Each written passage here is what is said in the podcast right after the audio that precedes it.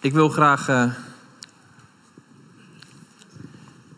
met jullie uh, lezen uit Lucas 1.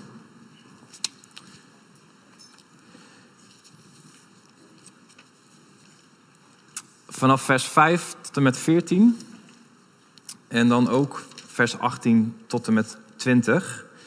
Het is echt een boodschap die past in de adventtijd.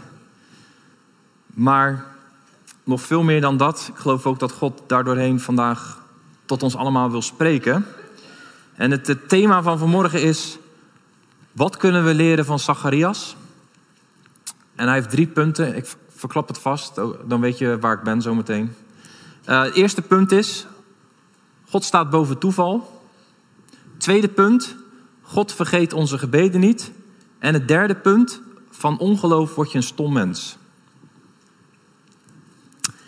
Komt-ie.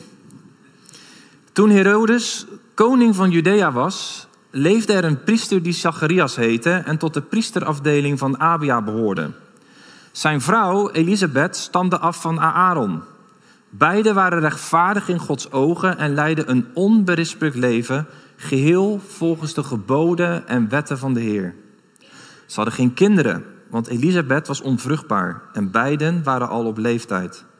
Toen de afdeling van Zacharias aan de beurt was om de priesterdienst te vervullen, werd er volgens het gebruik van de priesters gelood en werd Zacharias aangewezen om het reukoffer op te dragen in het heiligdom van de Heer. De samengestroomde menigte bleef buiten staan bidden terwijl het offer werd gebracht. Opeens verscheen hem een engel van de Heer die aan de rechterkant van het reukofferaltaar stond. Zacharias schrok hevig bij het zien van de engel en hij werd door angst overvallen. Maar de engel zei tegen hem: Wees niet bang, Zacharias. Je gebed is verhoord. Je vrouw Elisabeth zal je een zoon baren en je moet hem Johannes noemen. Vreugde en blijdschap zullen je ten deel vallen en velen zullen zich over zijn geboorte verheugen. En dan volgen er allemaal woorden over Johannes de Doper. Maar daar ga ik vanmorgen niet over spreken. Dus die sla ik even over. Die mag je thuis lezen. Ik skip even door naar vers 18. Ik wil even inzoomen op de reactie van Zacharias. Zacharias vroeg aan de engel: Hoe kan ik weten of het waar is? Ik ben immers een oude man en ook mijn vrouw is al op leeftijd. De engel antwoordde: Ik ben Gabriel, die altijd in Gods nabijheid is. En ik ben uitgezonden om je dit goede nieuws te brengen. Maar omdat je geen geloof hebt gehecht aan mijn woorden, die op de voorbestemde tijd in vervulling zullen gaan, zul je stom zijn en niet kunnen spreken tot de dag waarop dit alles gaat gebeuren. Tot zover de schriftlezing. Ik begin maar even met het eerste punt. God staat boven toeval. Zacharias en Elisabeth een priesterlijk stel. Zacharias is priester en ook Zacharias of, en ook Elisabeth stamt af van een priesterlijk geslacht. En het is een voorbeeldig koppel. Het is een koppel dat God trouw dient in een donkere tijd in Israël. En toch hebben zij een levend verlies. En een levend verlies is een verlies in je leven die elke keer weer terugkomt. Dat is een verlies die nooit afgesloten wordt. Dat is een wond die elke keer weer opnieuw open gaat en opnieuw verbonden moet worden. Nou, wat was er aan de hand? Elisabeth en Zacharias konden geen kinderen krijgen. En het niet kunnen krijgen van kinderen noemen we een levend verlies, omdat het elke keer terugkomt in een volgende levensfase. Je ziet eerst dat je vrienden en vriendinnen, broers en zussen allemaal een gezin krijgen en dat je kinderwens niet in vervulling gaat. En dat is al heel moeilijk en ingewikkeld om te verwerken. Maar dan vervolgens zie je dat ze groot worden en dat ze ook zelf weer kinderen krijgen en dat zij opa en oma worden. En ook dat gaat aan je voorbij. En daarom is het niet kunnen krijgen van kinderen iets wat we zeker als gemeente ook nooit moeten onderschatten dat dat zomaar afgesloten is. Het is iets wat telkens weer terug kan komen in je leven. Het is een levend verlies wat je als een schaduw met je meedraagt. En dat hadden Zacharias en Elisabeth.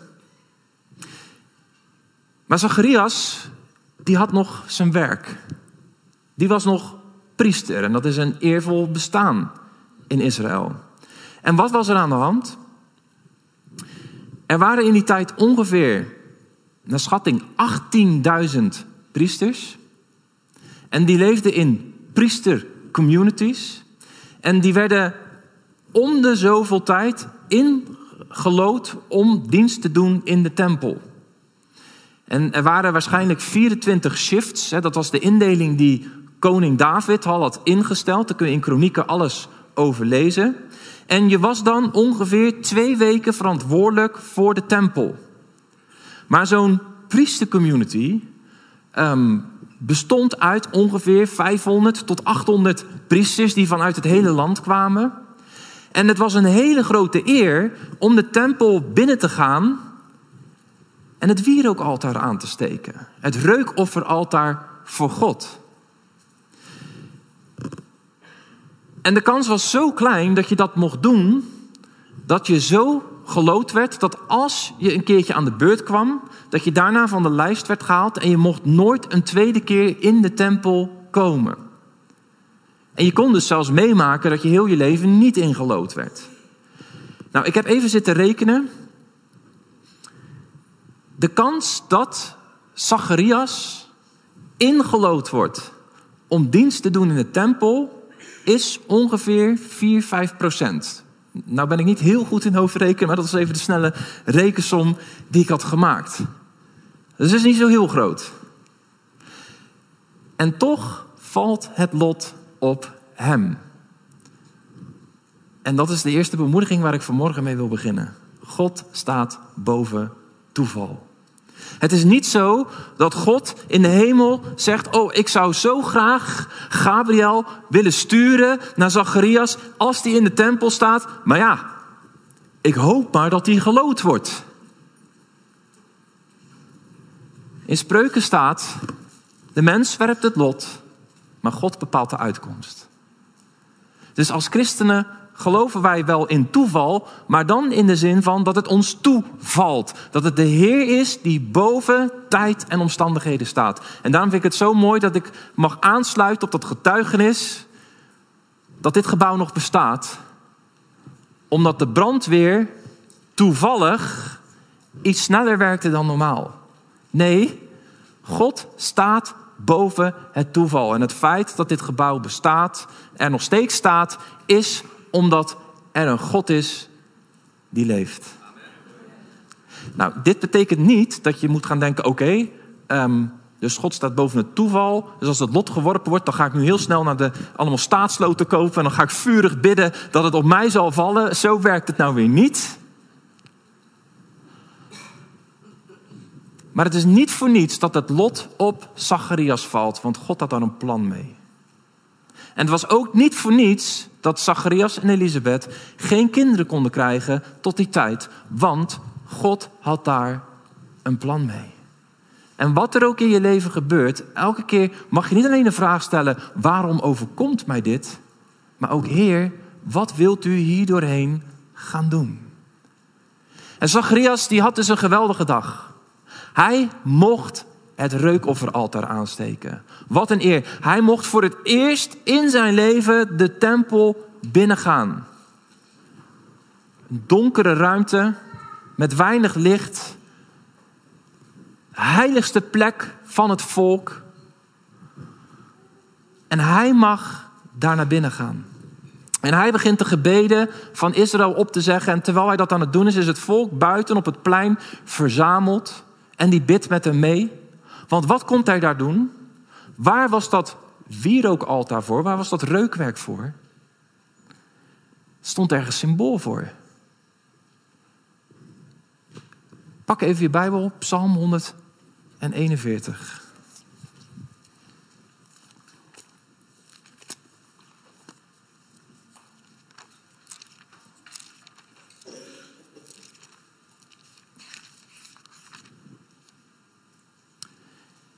Heer, u roep ik aan. Snel mij te hulp. Luister maar naar mij nu ik u roep. Laat mijn gebed voor u zijn als reukwerk.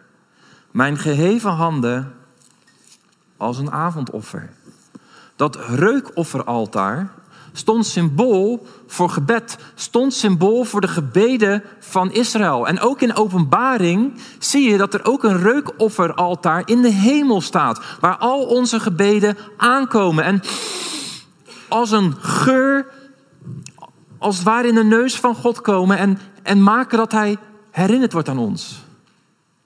Want op het moment dat Hij onze gebeden hoort, moet Hij aan ons denken. Het is een beetje te vergelijken met dat ik precies weet hoe Jessica ruikt. En Jessica weet precies hoe ik ruik. En of dat een aangename geur is, dat laat ik in het midden. Maar als je zo intiem bent met elkaar, als je zo close bent met elkaar, dan kan je ook elkaars lichaamsgeur, elkaars unieke geur kan je onderscheiden. En op het moment dat Jessica er niet is, dan zou ik haar sjaal kunnen pakken als ik haar mis en haar kunnen ruiken en, en weer haar in mijn herinnering brengen. En dat is wat er gebeurt wanneer wij bidden. Dan komt als het ware onze geur de woonkamer van God binnen. Dan ruikt Hij ons en dan wordt Hij aan ons herinnerd en dat doet wat met Hem. En zo stond Zacharias daar niet alleen met zijn eigen gebeden, maar hij stond daar ook in functie als priester van Israël. En hij stond daar met de gebeden van het volk. En hij stond ze op te zenden, en hij stond daar te bidden. En hij stond dat wierookaltaar aan te steken. En hij was helemaal bezig. En in één keer beseft hij dat hij niet alleen is. Er staat iemand naast hem. Er staat een engel naast hem. Het is niet dat hij een visioen kreeg of een beeld. Het is niet dat hij in slaap viel en een droom kreeg. Er staat een fysieke engel naast hem. En hij is helemaal alleen in die tempel. En in één keer staat er een engel naast hem. Dat moet een behoorlijk intimiderende ervaring zijn geweest. Ik kan me voorstellen dat hij zich helemaal kapot schrikt. En daarom zegt de engel altijd als eerste: Wees niet bang. Wees niet bang. Waarom staat die engel bij het wierookaltaar. Waarom kiest God die plek uit? Hij had toch ook gewoon in de slaapkamer kunnen verschijnen aan Zacharias. Hij had toch ook bij hem kunnen verschijnen terwijl hij iets anders aan het doen was. Nee, het is voor de lezer gelijk duidelijk wat, wat Gabriel komt doen. Het gaat hier om de toekomst van het volk van God. Gabriel is verbonden met de toekomst van het volk van God. Dat zie je in het Oude Testament terug bij Daniel. Wanneer het gaat over de toekomst van Israël, dan komt Gabriel om te vertellen. En nu komt Gabriel om te vertellen dat de gebeden van het volk verhoord zijn. Wauw. Daarom verschijnt hij daar. En wat zegt Gabriel? Je gebed is verhoord. Je vrouw zal zwanger worden. Ik kan me voorstellen dat Zacharias dacht, wat? Ik sta hier helemaal niet te bidden voor mijn vrouw. Want daar heb ik helemaal geen geloof voor. Dat had hij vroeger gebeden. Vroeger had hij geloof dat God hem nog een kind zou schenken. Vroeger had hij zich daarnaar uitgestrekt. In andere tijden had hij daarvoor gebeden, maar nu niet meer. Daar was hij al lang mee gestopt om daarvoor te bidden.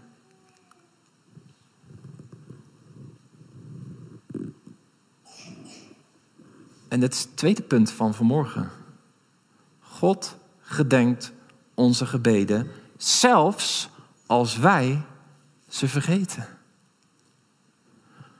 Zacharias was al lang gestopt met het bidden van dit gebed. Maar al die keren dat hij deze gebeden wel gebeden had, was het niet voor niets. Maar God nam het aan, bewaarde het en bracht het in vervulling op zijn tijd. En op dat moment was Zacharias zijn gebed al lang vergeten. Maar weet je waarom het zo mooi is dat Zacharias Zacharias heet? Zacharias betekent God gedenkt. God was Zacharias niet vergeten. God was zijn gebeden niet vergeten. En daarom zit er vanmorgen al gelijk een bemoediging in. En er komt straks ook een vermaning, maar we beginnen met een bemoediging. We beginnen met het zoet. Er kunnen dingen zijn waar jij voor gebeden hebt, of waar je misschien nog steeds voor bidt en waar je helemaal niets van in vervulling ziet gaan. Niet in de verste verte niet. misschien is dat gebed om een kind ook voor jou een actueel gebed. Misschien is het gebed dat je een kind hebt, maar dat het kind in Jezus gaat geloven, een gebed wat je al heel lang gebeden hebt. Misschien heb je een chronische kwaal en heb je al heel vaak gebeden voor genezing. mag ik je vanmorgen bemoedigen. Zelfs de gebeden die jij al vergeten bent en waar je zelf geen geloof meer voor hebt, worden allemaal door God bewaard. En hij doet er iets mee, want God gedenkt. Wauw. Ik kom straks nog op terug. En dit gaat natuurlijk niet alleen om Zacharias, het gaat ook over de gebeden van het volk Israël.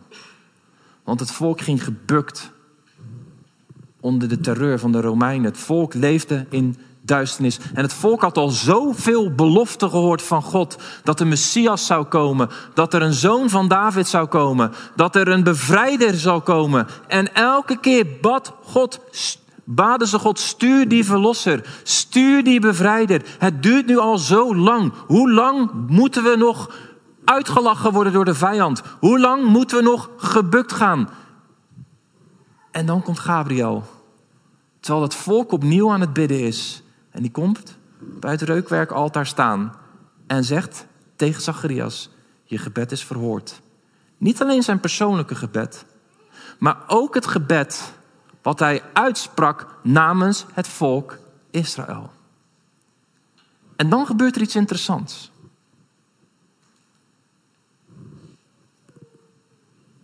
Zacharias kende God. Hij volgde God, diende hem, hield zich aan de geboden, dat hebben we net gelezen. Hij was rechtvaardig. En Zacharias was een professional. Hij had zijn priesterkleding aan. Hij wist welke gebeden hij moest zeggen. Hij wist hoe hij moest articuleren. Hij kende de Torah. En dan komt er een engel uit de hemel. En dan komt er me toch een ongeloof bij hem naar boven. Op het moment dat God van plan is het gebed te gaan verhoren, blijkt opeens dat Zacharias er zelf niet meer in gelooft. En wat er in Zacharias gebeurt, is een les voor ons. Want als we naar Zacharias kijken, dan kijken we eigenlijk in de spiegel. Want Zacharias had ook zo een Nederlander kunnen zijn. Hè? Dan sta je daar en dan komt er een engel uit de hemel. Die komt vertellen, je gebed is verhoord. Je vrouw zal een kind krijgen. En dan gaat Zacharias Gabriel uitwerken hoe het in de biologie zit. Gaat hij Gabriel, de engel uit de hemel, uitleggen dat het helemaal niet kan. Want ik ben al oud en mijn vrouw is al oud. En dit is hoe hardnekkig ongeloof kan zijn. Er komt een belofte uit de hemel. Er komt een hele belangrijke engel, niet zomaar iemand. Maar een aartsengel, Gabriel, die komt wat vertellen. En de reactie is eigenlijk, ja, eerst zien dan geloven. Ik geloof er eigenlijk niet zoveel van. Hoe, hoe kan dit? En wij zijn altijd eigenlijk heel tolerant hè, als het gaat om ongeloof. Ongeloof bij onszelf, ongeloof bij de ander. Maar de hemel ergert zich kapot aan ons ongeloof. Als er één ding is waar Jezus zich op aarde ook over irriteerde, dan was het elke keer dat ongeloof van zijn eigen leerlingen. Oh, jullie kleingelovigen, hoe lang moet ik jullie nog verdragen? Want hier botst de werkelijkheid van de hemel met de werkelijkheid van de aarde. En ons ongeloof heeft ook consequenties. En dat zie je ook bij Zacharias. Want omdat hij het weigerde te geloven, kon hij die zegen niet doorgeven. Want wat gebeurde er? De engel Gabriel zei tegen hem: Omdat je geen geloof hebt gehecht aan deze woorden, zul je stom zijn totdat die belofte in vervulling gaat, totdat dat kind geboren wordt. Daarom mijn derde punt. Van ongeloof word je een stom mens. Want hij moest naar buiten gaan en het volk zegenen. Hij had naar buiten kunnen gaan en een getuige kunnen zijn van wat er in die tempel was gebeurd. Hij had naar buiten kunnen gaan en kunnen zeggen: Ik heb Gabriel gezien en ik heb goed nieuws. God gaat onze gebeden verhoren. Ik heb goed nieuws. Er gaat een wonder gebeuren, ook in mijn eigen gezin, maar ook voor dit volk. Maar hij komt naar buiten door zijn eigen ongeloof geblokkeerd. En het enige wat hij zegt is.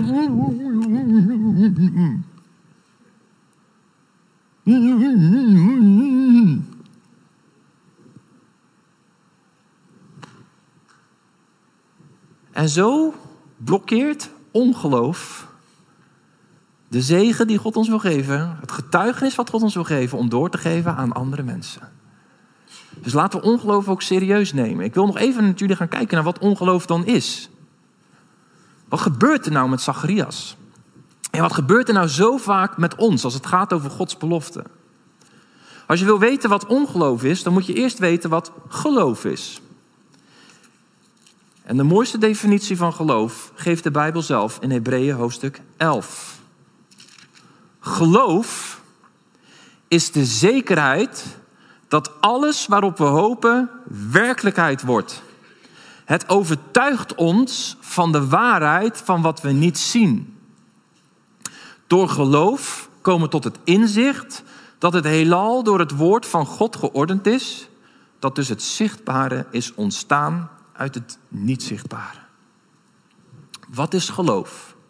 Een zeker weten, een diep vertrouwen dat uiteindelijk wat er gaat gebeuren afhankelijk is van de geestelijke wereld, van de onzichtbare wereld waar God is, die spreekt. En als Hij spreekt, dan komt het tot stand, ook als we er nog niets van zien in de fysieke wereld. Nog een keertje. God sprak en bracht de zichtbare wereld voort vanuit de onzichtbare wereld. En het geloof hecht zich aan die onzichtbare wereld, aan die troon van God, waar een God zit die spreekt en die schept en die leven brengt en die alle macht heeft in de hemel en op aarde. En op het moment dat je in geloof verbindt met die God, is opeens alles mogelijk. Daarom zegt God ook elke keer dat het voor mensen onmogelijk is. Dat wil toch niet zeggen dat het voor mij onmogelijk is? En precies die woorden sprak God ook tegen Abraham en tegen Sarah. Zou voor de Heer iets te wonderlijk zijn? Dat is geloof. Er was nog helemaal geen druppel water gevallen. En in geloof, omdat God vanuit de onzichtbare wereld gesproken had, bouwde Noach een ark. Dat is wat geloof doet. En Hebreeën geeft nog heel veel voorbeelden. En wat gebeurt er nu bij Zacharias? Vanuit de onzichtbare wereld komt de engel Gabriel, stapt in de zichtbare wereld. Dat zou al heel veel geloof moeten bouwen. En spreekt een woord namens God en zegt: Je vrouw zal een kind krijgen. Maar wat is de reactie van Zacharias?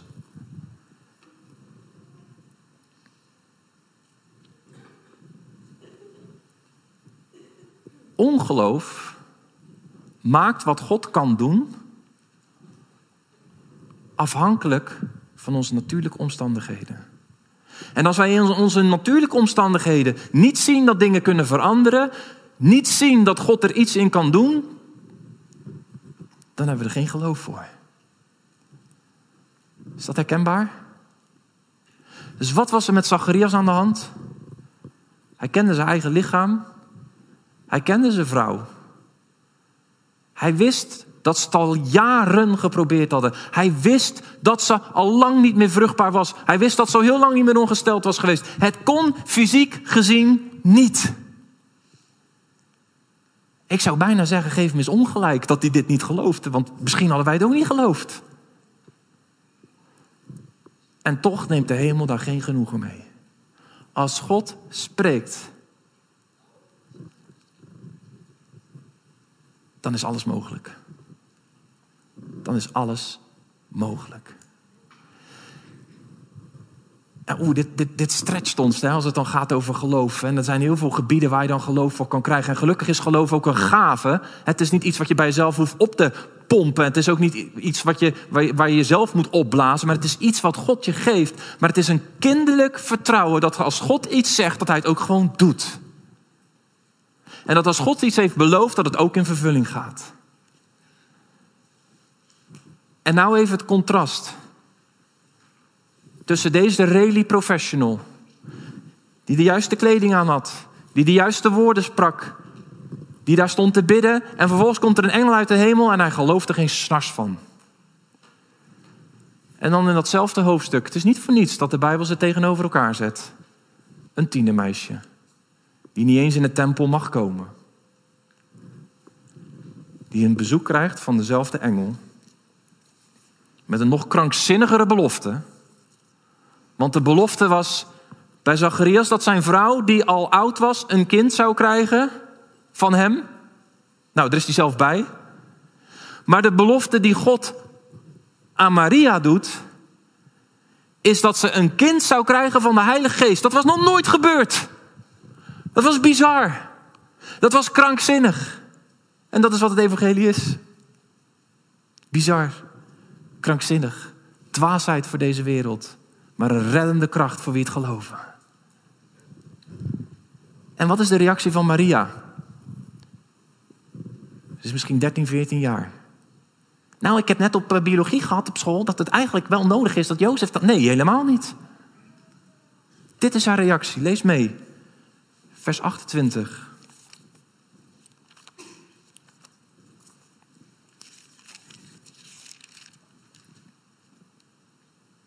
Sorry, vers 38. De Heer wil ik dienen. Laat er met mij gebeuren wat u hebt gezegd. En daarna liet de engel haar weer alleen. Wauw. Als God spreekt, wil ik reageren als een Maria. En niet als een Zacharias. Maar oh, wat zit die Zacharias toch vaak in ons, toch? Daarom wil ik het volgende gaan doen. Er zijn gebeden die je misschien gebeden hebt, maar nu niet meer. Er zijn misschien beloftes geweest, ook over deze gemeente, die je ooit geloofd hebt. Maar als je heel eerlijk bent, heb je die al lang geparkeerd. En op het moment dat dat gebeurt, mag ik je bemoedigen met het verhaal van Zacharias. God is zijn belofte niet vergeten. God is zijn woord niet vergeten wat hij gesproken heeft. En God is degene die het in vervulling kan doen gaan. Maar het laatste wat ik daarover wil zeggen. Op het moment dat dat gebeurt, kan het wel eens anders gaan dan dat je had gedacht. Kan het wel eens op een andere manier gaan van wat jij erbij had voorgesteld. En ook dat hoort bij het evangelie. Israël die verlangde naar een Messias die de strijd aan zou gaan met de Romeinen. En wat gebeurt er? Er komt een Messias die nog veel meer doet dan dat Israël kan bidden en hopen en beseffen en denken. Want hij gaat de strijd aan met de duivel zelf. Hij gaat de strijd aan met de zonde. Hij gaat de strijd aan met het kwaad. En hij zorgt er zelfs voor dat de Romeinen, die zij als hun vijand zien, dankzij het evangelie, dankzij zijn bloed, zelfs vrienden worden. Hij zorgt ervoor dat ook zij kinderen van God kunnen worden. Hij gaat zoveel verder dan dat Israël durfde te bidden. En waar Israël op hoopte. Met als gevolg dat een groot deel van het volk, wat gebeden had om een Messias, Messias verworpen heeft niks met hem te maken wilde hebben. En hoe tragisch is het dat we soms iets kunnen bidden, dat we soms iets kunnen verlangen, dat we kunnen bidden voor een opwekking, dat we kunnen bidden voor het vuur van God en dan valt het vuur van God en dan worden we grote christikasters. Omdat het niet gaat op de manier zoals het 40 jaar geleden ging en zoals het zou moeten gaan. Maar omdat God andere dingen kan doen. Omdat God God is. Ik wil u vragen een moment te gaan staan. Nadat we dit in herinnering hebben gebracht.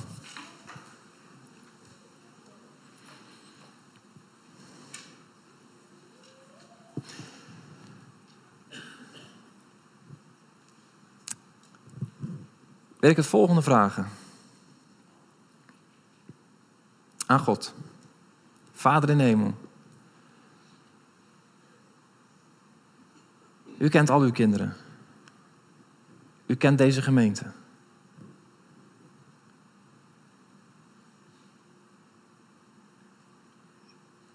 U heeft al onze gebeden bewaard. En vader, ik wil u vragen om door uw Heilige Geest, in eerste instantie voor ons persoonlijk, opnieuw die gebeden in herinnering te brengen, die we niet meer durven te bidden. Waarvan we gestopt zijn om het te vragen, omdat we denken, u doet er toch niets mee.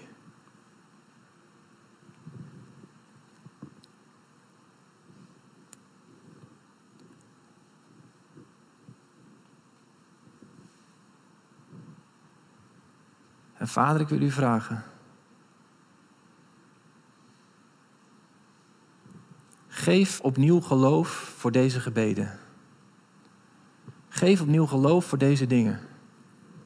Geef opnieuw vertrouwen dat u alles kunt doen. Zelfs als we er met onze fysieke ogen niets van zien. Vader, ik bid dat u geloof geeft dat kinderen die niets meer met u te maken willen hebben, terug gaan komen in uw koninkrijk. En bekrachtig deze gebeden van ouders en broers en zussen opnieuw in Jezus' naam. En vader, ik wil u vragen om opnieuw geloof te geven dat u ook genezing kan geven op deze plaats. Ook voor kwalen waar we al zo vaak voor gebeden hebben en geen genezing voor hebben gezien. Want we willen ons niet richten op wat we zien, maar we willen ons richten op wat u kan. En u kan alles.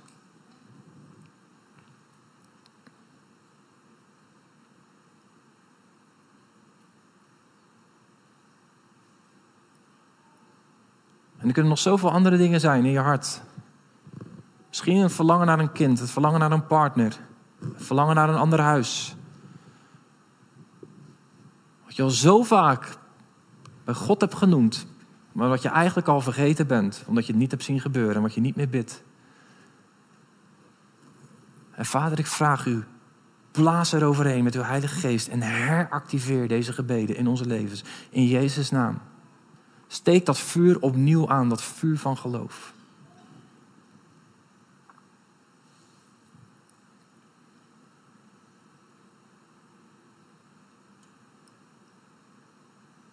En vader, als we naar ons eigen hart kijken, dan herkennen we Zacharias erin. We zijn zo geneigd om geen geloof te hechten aan wat u zegt en wat u doet, omdat we andere dingen zien. Maar we vragen u, ook als gemeente, maak ons als Maria. Nederig, ontvankelijk voor uw Heilige Geest zodat op het moment dat u dingen in vervulling doet gaan, we aan uw kant staan en ons zullen verheugen. Vader, bewerk ons hart daarmee met uw Heilige Geest in Jezus' naam. Amen. Dan als gemeente. Dit was voor ons persoonlijk, maar nu ook als gemeente. Er zullen hier vast mensen aanwezig zijn die al vele jaren hier zitten en die ook vele woorden gehoord hebben die gesproken zijn over deze gemeente. Woorden waarvan je een soort kriebel in je buik kreeg van ik kan niet wachten totdat dat in vervulling gaat. En tegelijkertijd heb je tot op de dag van vandaag nog niet zien gebeuren. Ik weet niet welke woorden dat zijn. Maar ik wil jullie wel als gemeente uitdagen om op zoek te gaan naar die woorden die gesproken zijn. En daar met elkaar in geloof voor te gaan staan. Dat God nog steeds dezelfde is. En dat Hij het ook op zijn tijd in vervulling zal doen gaan. En ik geloof ook dat jullie daar heel dichtbij zijn. En ik moest daarbij denken aan het volgende. Dat is de laatste bemoediging. Dan stop ik hoor. Dan sluit ik af.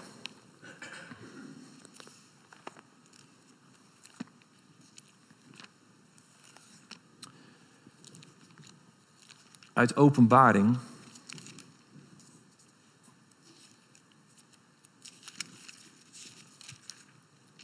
En het is ook een beetje een trigger die ik elke keer heb als ik naar Tiel rijd. Omdat ik elke keer als ik aan Tiel moet denken, krijg ik altijd twee associaties. De Betuwe Shem en Jomanda. Dat het hele land hier naartoe kwam voor valse genezing. Terwijl we hier een levende God dienen. En dat is ook even om te stretchen. Geloven we dat God veel grotere dingen door deze gemeente heen kan doen? Dan dat hij door Jomanda heen deed? Nou, hij deed sowieso niet zoveel door Jomanda. Maar dan wat er door Jomanda gebeurde? En geloven jullie ook dat deze gemeente mensen kan aantrekken van buitenaf, doordat Gods geest uitgestort wordt op een manier die de mensen in Tiel nodig hebben en die zoveel meer geeft dan wat Jomanda hier voor elkaar heeft gekregen. Ik moest denken aan deze tekst. Openbaring hoofdstuk 2.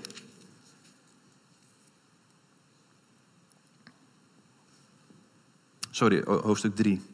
Dit zegt hij die heilig en betrouwbaar is.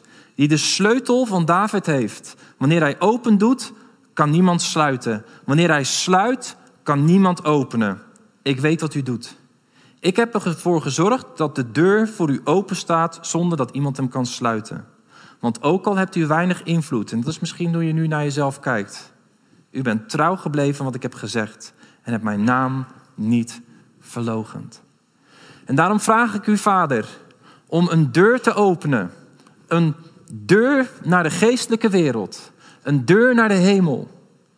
Van waaruit uw leven stroomt in deze gemeente van waaruit uw genade stroomt, van waaruit uw kracht stroomt, van waaruit uw genezing stroomt, zodat er hier een rivier zal zijn die tot zegen zal zijn voor deze omgeving. Geloven we dat? Amen. Amen. En er zijn nog zoveel meer andere beloften die deze gemeente heeft gekregen. Ik heb geen flauw idee. Maar er zijn mensen die dat wel weten. En er zijn zelfs misschien wel beloftes die jij weet, die jij nog ergens hebt liggen en waar de rest van de gemeente nog niet van weet. Pak ze er allemaal bij en ga op zoek naar welke schatten heeft God in deze gemeente gelegd. Welke bronnen mogen hier geopend worden? Welke woorden heeft hij gesproken en waar mag je hem aan herinneren van Heer, het wordt tijd dat u het in vervulling gaat brengen, want we wachten erop, we smachten ernaar. Amen. En zo mag ik jullie zegenen. Met liefde van de Vader met een verlangen naar een echte relatie met Jezus Christus, onze Heer. En een vernieuwing van de Heilige Geest. Amen.